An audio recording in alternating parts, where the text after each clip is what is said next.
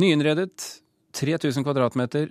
Realfagsbiblioteket åpner i dag i Wilhelm Bjerknes hus på Blindern. På 150-årsdagen for Bjerknes sin fødsel. Han som regnes som far for faget meteorologi, og var en av verdens mest fremtredende forskere innen fysikk og geofysikk. Og reporter Sølvi Fosseide, hender det noe der oppe på biblioteket nå? Ja, jeg kan ikke si noe annet enn at her hender det noe. Rektor eh, Ole Petter Ottersen har eh, forlatt, eh, foretatt åpningen, og han har fortalt oss alle at målet er at biblioteket blir en sosial møteplass og et læringssted som stimulerer rekruttering til realfagene. Og det har jeg mistanke om at det kommer til å gå troll i ord.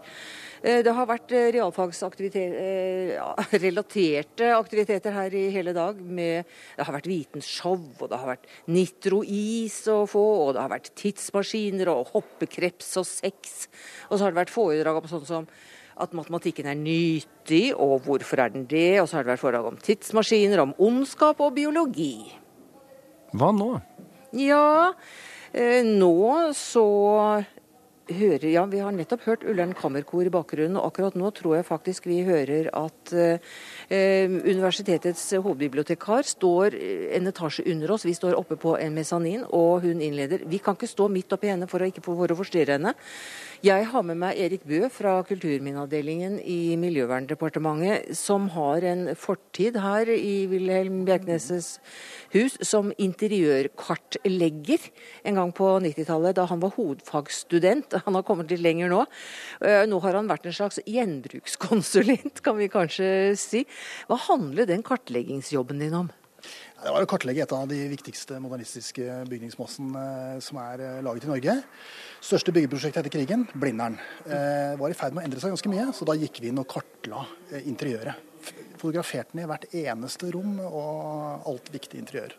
Hva skulle dere med de skulle, Tok dere også vare på interiørene da, eller satte dere det vekk, byttet det ut, eller hva skjedde? Ja, altså Det ble utløst av at administrasjonsbygningens toppetasje skulle bygges om. Det var en av de mest praktfulle interiørene på Blindern, hvor Bjørn A. Larsen, interiørarkitekten, hadde tegnet alt som fantes. Altså bord, stoler, gulv, vegger. Og dette ble pakka sammen og tatt ned og lagt på lager. Ok, sånn at det bordet som vi sitter ved her nå, langs mesaninen her oppe, og disse utrolig urelegante, nytrukne skinnstolene på en, på en stilk, og med de fantastiske kobberlampene mm. som har stemmeknapper på seg, det er noe som man har tatt vare på siden den gang man pusset opp og gjeninstallert nå? Ja, dette er fakultetsrådssalen som er gjenskapt her nede. Det er et sånt et vengebord, og så dette er et i skinn som, som, nå er tatt i bruk her. Som litt sånn ja, loungeaktig sted hvor du kan sitte og slenge litt når du er student. Ja, veldig typisk sånn 60-tallsinteriør her. Men hvorfor er det sånne svarte ringer i hvert av bordene? jo, det er fordi at det, det var jo sikkert en 30-40 sånne bord utover i fakultetssalen, og alle sammen hadde askebeger. Og her har jeg faktisk de originale askebegerne som jeg har tatt vare på. For studentene røykte jo en masse, og, og det var et askebeger til hver eneste bord. Sånn var det da. Du var jo askebeger over hele Blindern for øvrig. Det var, det var en del av interiøret. det er slutt på det nå. Så vi ser resultatene av noe av kartleggingsjobben her i dag. Hva mer tok dere vare på da? Vi tok vare på hele interiøret der oppe i administrasjonssalen. og Der var det jo veldig mye flott interiør. altså det, Særlig disse vengebordene og skinnstoler. og det var, det var, mye mer av det samme. Men det ligger på lager og kan komme til bruk igjen. Kan du gi oss et bilde, et komprimert bilde av hvordan dette biblioteket ser ut nå, og hvordan det kommer til å fungere?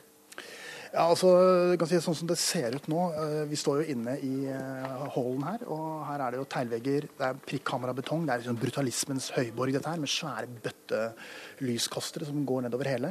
Og Vi står på denne messainen. Og bak messainen, bortenfor oss her, så er selve eh, biblioteksalen. Og Det var jo den gamle hangaren, som vi kalte den. En, det var jo en, en, slukt av et sted med masse lesesalsplasser bortover hele. Og grått og egentlig ganske trist. Og et sted hvor det var høy akustikk og i det hele tatt røffe forhold for studentene. Ja, Alle som var studenter den gangen husker det. Og det er mye, mye mye finere nå, kan jeg fortelle dere, folkens. Hva syns du om utseendet nå? Er det fargerikt? Er det lekkert? Er det brukervennlig? Det er jo noe helt annet. Altså, man har jo lysnet opp veldig. Man har jo fått inn eh, også veldig mye mer bøker og mye færre lesesalsplasser. Sånn at det, he, hele konseptet har endret seg ganske mye. Eh, og det er blitt farger og ny lysarmatur og eh, stillebokser i eik. Og, det er, det, er, det, er, et lekkert, nytt, moderne interiør i, i Norge i dag. Det, det, ser veldig godt ut. Nå vil universitetet fryktelig gjerne ha ihuga nye realfagsstudenter til stedet. Tror du at dette kommer til å virke på den måten? Ja, det tror jeg absolutt. Altså, dette er et godt sted å være. Og man tar med seg fortida og, og, bringer til noe nytt. Så jeg, jeg føler liksom at man har truffet bra her. Ja, Kjempefint. Takk skal du ha. Eirik Bø, kunsthistoriker er du vel kanskje? Ja. Til og med kunsthistoriker. Eller arkitekturhistoriker, som jeg gjerne kaller det. og takk skal du ha, Sølvi.